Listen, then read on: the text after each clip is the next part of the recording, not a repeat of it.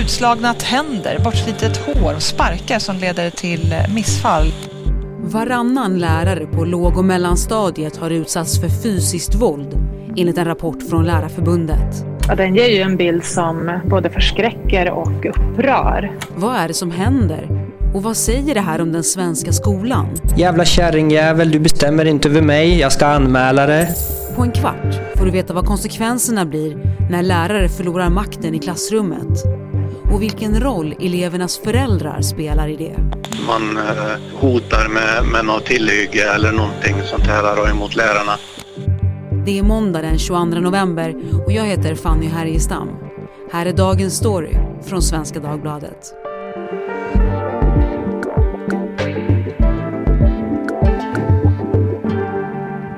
Fredrik Neyman, du är journalist och författare. Du har rapporterat om skolfrågor regelbundet i många år och du har också skrivit en serie reportage för tidningen Läraren som ges ut av Lärarförbundet om just den här rapporten som vi ska prata om idag. Men du är ju också lärare själv faktiskt, eller hur? Ja, jag undervisar på ett antal journalistutbildningar. Känner du dig extra berörd av den här rapporten som kom då, som vi kommer prata om idag? Ja det gör jag på något sätt även om de här eleverna jag har är ju en helt annan typ av elever. Det förekommer ju inte den här typen av eh, våld eller hot. Det har jag aldrig upplevt faktiskt. Och vi ska ge oss rätt in i ämnet här. Du har ju tagit del av vittnesmålen i eh, den här undersökningen. Är det någon särskild berättelse från lärare som du minns extra starkt? Ja, det är en lärare som, som berättade väldigt komprimerat här att jag blev sparkad, slagen, påhoppad och biten. Fick bekosta kiropraktor själv då en elev hoppade upp på mitt huvud så jag knäckte till nacke och rygg. Blev sparkad i magen flera gånger av elever när jag var gravid. Man måste alltid vara beredd på våld och att man kan bli skadad. Det är ju, är ju en eh, otroligt liksom eh, vad den här läraren har blivit utsatt för. Vittnesmålen är många och starka i rapporten från Lärarförbundet som kom i oktober i år. Lärare vittnar om elever som ger knytnävslag, spottar och sparkar eller riktar verbala hot som “jag vet var du bor, jag ska döda dig”. Till och med som är gravida som vittnar om hur elever sparkar mot, mot deras magar.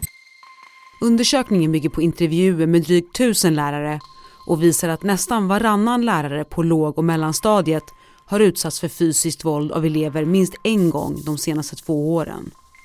Ännu fler har blivit utsatta för verbalt våld. Skolan verkar vara den i särklass farligaste arbetsplatsen att jobba på när det gäller hot, hot om våld och våld. Också föräldrar till barn på låg och mellanstadiet riktar verbalt våld mot lärare. Det är ett litet uttryck att säga att det är oacceptabelt, men det här är verkligen inte acceptabelt. Ungefär en av fem lärare har utsatts för det. Däremot är fysiskt våld från föräldrar ovanligt. På högstadiet är både verbalt och fysiskt våld från elever mot lärare betydligt mer ovanligt än i de lägre åldrarna. Det här enligt en annan tidigare rapport från Lärarförbundet. Det här är första gången man frågat lärare i låg och mellanstadiet om våld och det visar sig alltså att de upplever mer våld än lärare i högre klasser. Hur kan det vara så? Jag tror att det eh, de här, jag tror framförallt i sig förskoleklass och på fritidshem där är det ju väldigt många barn, det är stora grupper och det är inte så, så många lärare så att det kan bli en eh, stimmig miljö och just förskoleklass de är helt det är ju barn som kommer från förskolan till skolan. Det är ett väldigt stort steg. Många av de barnen kanske inte riktigt är mogna för skolan helt enkelt. Och under vilka omständigheter inträffar de här våldshändelserna? Alltså i vilka situationer? Om du kan måla upp en bild av liksom hur det går till. Det är nog så att eh, en majoritet av de här händelserna sker inte kanske i klassrummet utan mer i anslutning till klassrummet. Kanske i korridoren inför en lektion eller strax efter en lektion i, på skolgården. Kanske i, i anslutning till eh, när de ska äta mat, köer där och, och, på olika sätt. Så det är egentligen på något sätt överallt i skolan men kanske minst i klassrummet. Vet vi det eller? Nej det vet vi nog. Det, det framgår inte riktigt av undersökningen utan det är mer, det baserar jag på när jag har pratat med lärare och lite så. Och det är där ofta, där är det ju i, i de, de miljöerna är det ju inte så många lärare så där blir lärarna verkligen i underläge i kanske en korridor. Så där. Och det är lätt där att det, det triggas upp och sådär. Du gav ju en, eh, ett exempel på ett vittnesmål här eh, precis i början men berätta Fredrik, vad är det för typ av hot och våld vi pratar om här? Ja, man säger det klart vanligaste typen av, av våld det är ju då att man, man hotar, man skriker. Man kan skrika jävla kärring, hora, din idiot eller, eller något sånt där. Antingen skriker man när man säger det eller sen kan det ju förekomma i sociala medier. Det är, är inte så ovanligt. Många av alla skolbarn rör ju sig i, i sociala medier. så att Där förekommer det också en hel del. Och sen är det också då fysiskt våld. Ja, absolut. Som? Ja, det kan ju vara knuffar, det kan vara liksom slag, det kan vara liksom eh, de försöker sätta kroppen på en lärare och sådär. Så det, det, det, är ju alla typer av, av uh, våld helt enkelt. När läraren Neda såg ett par killar med vapen utanför skolan blev det startpunkten för månader av terror. Samma dag som skolan slog larm drogs hon in i en bil och misshandlades. Den här rapporten gäller ju då hela Sverige. Men säger den någonting om att det är några särskilda skolor det gäller? Eller är liksom skolor lika drabbade över hela landet? Ja, den här undersökningen tar ju inte sikte på regioner eller skolor så att den har inte brutit ner det. Då blir också underlaget för lite tror jag. Man kan inte dra slutsatser. Det finns ingen sån statistik. När började hot och våld mot lärare bli liksom ett påtagligt problem eller man ska säga? Man ska ju vara klar för sig att det har ju alltid funnits i skolan någon form av våld. Tidigare var det ju lärarna som utsatte elever för våld. Det var ju tillåtet fram till, till 1958. Det förbjöds ju, skollagan förbjöds ju mycket tidigare än om man säger agan i hemmet. Den försvann ju på 70-talet. Så att eh, det har ju varit en slags plats för olika former av våld. Men det är klart att eh, toleransen mot våld har, har ju eh, minskat också tror jag bland lärarkåren. Men det är framförallt det, på 90-talet ser man en extrem förändring. Då femde, under någon, med start 1993 så femdubblas eh, antalet polisanmälningar eh, på några år. Så att jag tror att 1997, det finns en avhandling på en, från Linnéuniversitetet. 1997 så är det det året är det lika många polisanmälningar som under hela 80-talet.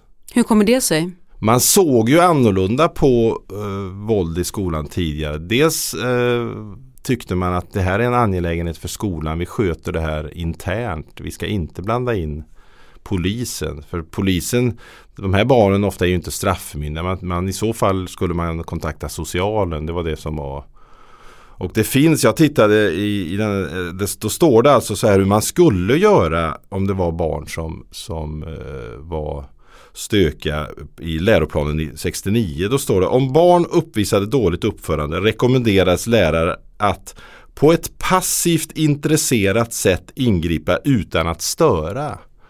Det var alltså den inställningen man hade mot eh, stökiga barn på 60-talet och 70-talet kan man säga. Vad betyder det där? Ja, det var nog att man skulle inte börja liksom lägga sig i för mycket utan man skulle då eh, låta det kanske ebba ut om det var och det kanske var också våld mellan barnen också.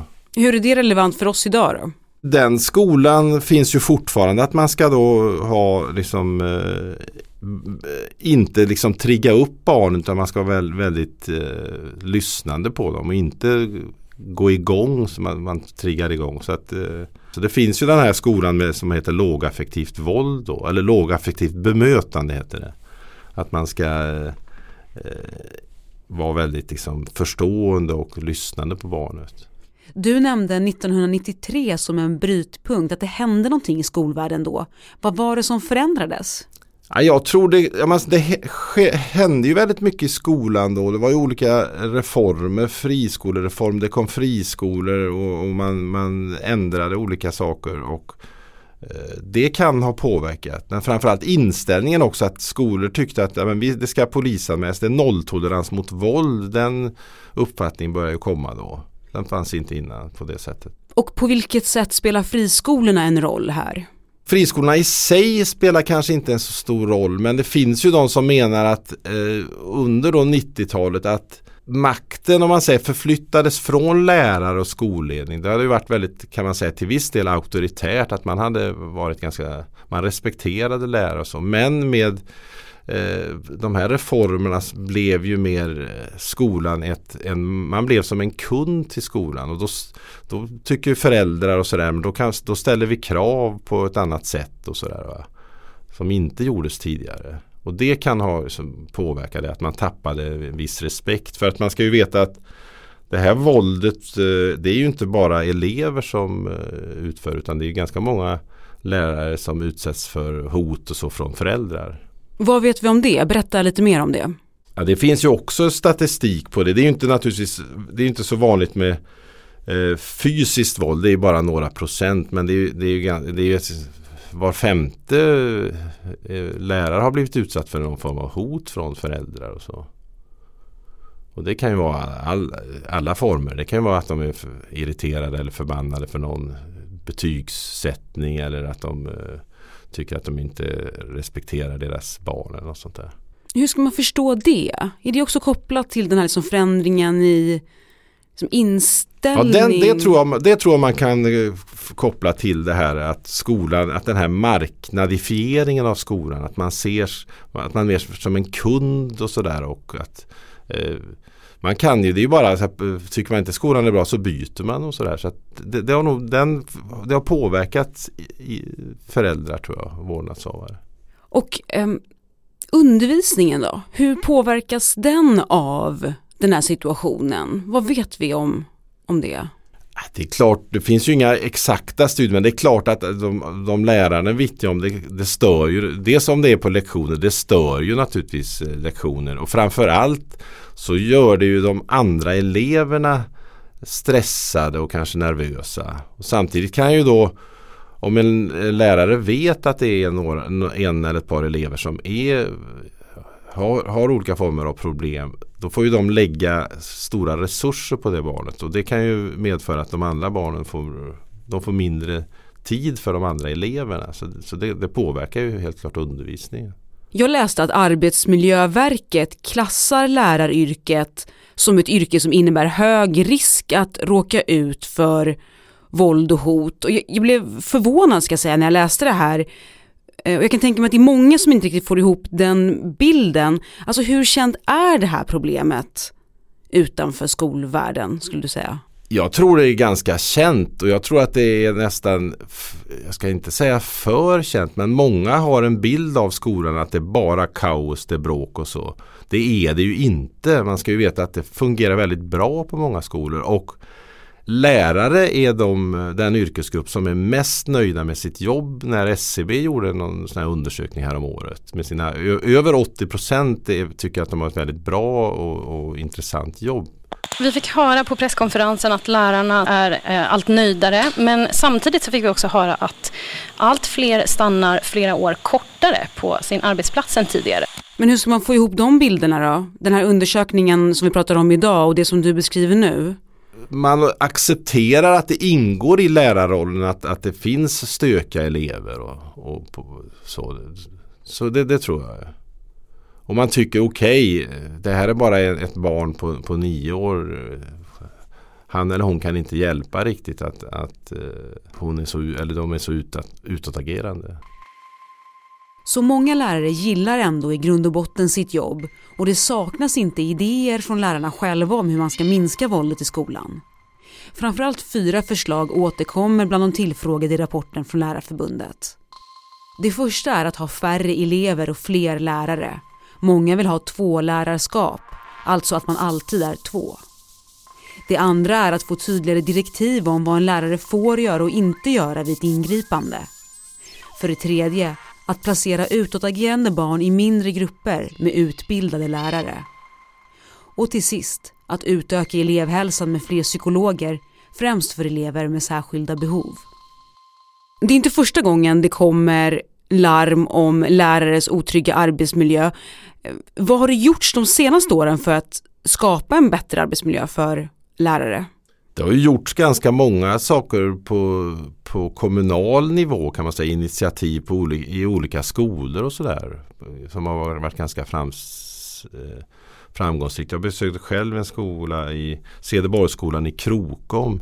De har lyckats vända det här eh, trenden för det var en väldigt stökig skola med väldigt låga betyg, en högstadieskola. Där, där har man förbättrat under ett fyra, fem år. Så det finns många goda exempel. Sen har ju då staten skjutit till ett antal miljoner för att eh, man kan få stöd för lä fler lärarassistenter då till, eh, i skolorna. Så det är också ett sätt. Så att det görs en hel del.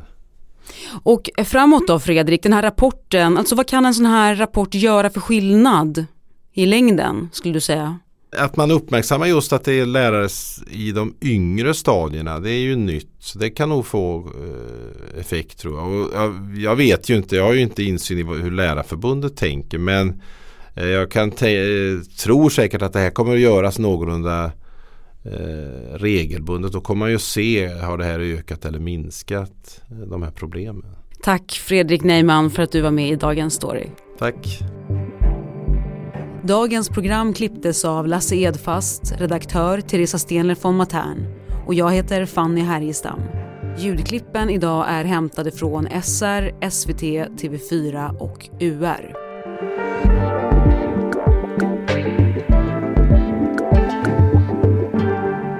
Du har lyssnat på Dagens Story från Svenska Dagbladet. Vill du kontakta oss så mejla till dagensstory.svd.se.